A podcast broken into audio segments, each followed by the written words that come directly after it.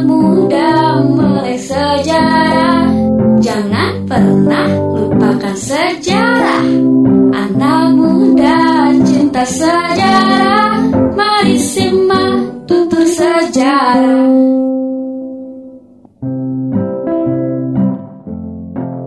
Halo sahabat edukasi, selamat berjumpa kembali dalam program Tutur Sejarah. Selamat mendengarkan.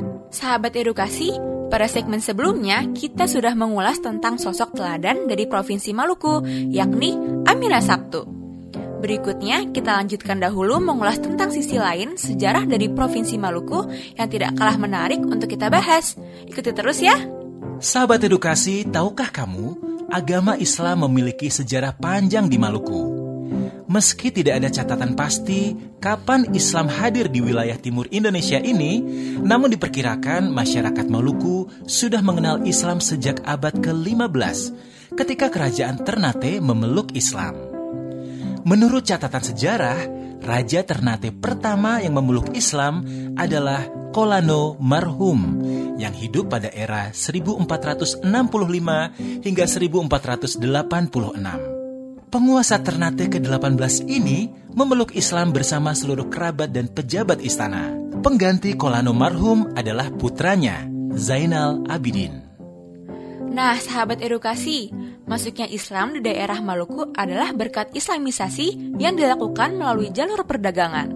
Perdagangan dan pelayaran mengalami perkembangan yang pesat, sehingga pada abad ke-15 telah menjadi kerajaan penting di Maluku para pedagang asing datang ke Ternate menjual barang perhiasan, pakaian, dan beras untuk ditukarkan dengan rempah-rempah. Sahabat edukasi, bukti kuat Islam di Maluku adalah keberadaan masjid-masjid bersejarah. Selain sebagai tempat ibadah, masjid juga menjadi tempat dakwah, pendidikan, dan aktivitas lainnya. Yang pertama kita bahas yakni Masjid Jami Ambon. Sahabat edukasi, Masjid Jami Ambon didirikan pada 1860 Masehi di atas tanah wakaf yang diberikan oleh seorang janda bernama Kari. Pada awalnya masjid ini hanya berdinding dan beratapkan daun rumbia dengan tiang kayu. Masjid kecil ini ternyata tidak mampu lagi menampung jamaah karena pemeluk agama Islam semakin bertambah. Sehingga pada 1898 dibangunlah sebuah masjid baru di atas lokasi masjid lama yang bentuknya lebih besar serta beratap seng. Masjid ini sempat rusak beberapa kali. Namun menjelang berakhirnya kolonial Belanda di Maluku, masjid kembali dibangun oleh umat Islam. Lanjut yang kedua, Masjid Batu Merah. Masjid desa atau negeri Batu Merah ini dibangun oleh orang kaya bernama Ibrahim Safari Hatala pada 1575 Masehi. Melihat perkembangan agama Islam yang begitu cepat, Raja Abdurrahman Hatala memugar masjid pada 1805 Masehi. Pada 1924 Masehi, masjid kembali dipugar tanpa menghilangkan bentuk aslinya. Pemugaran dilakukan karena jumlah jamaah yang semakin banyak.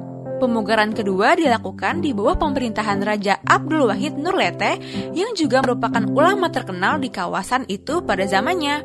Pada masa itulah Buya Hamka, Ketua Majelis Ulama Indonesia pertama, dan Bey Arifin, ulama yang disegani di Jawa Timur, pernah belajar di masjid ini.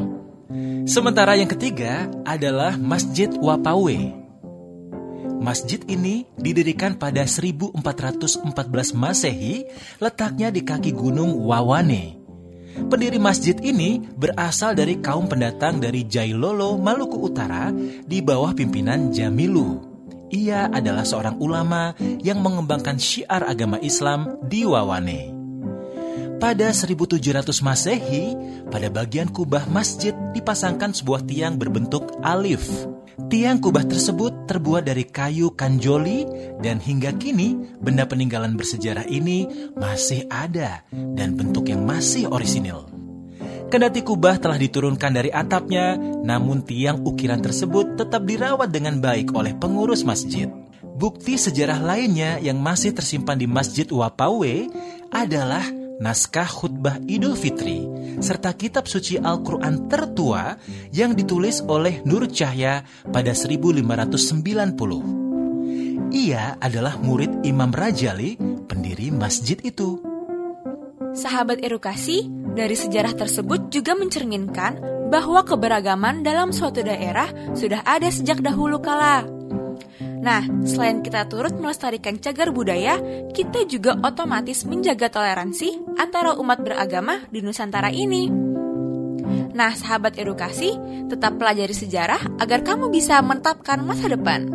Anak muda cinta sejarah, mari simak tutur sejarah.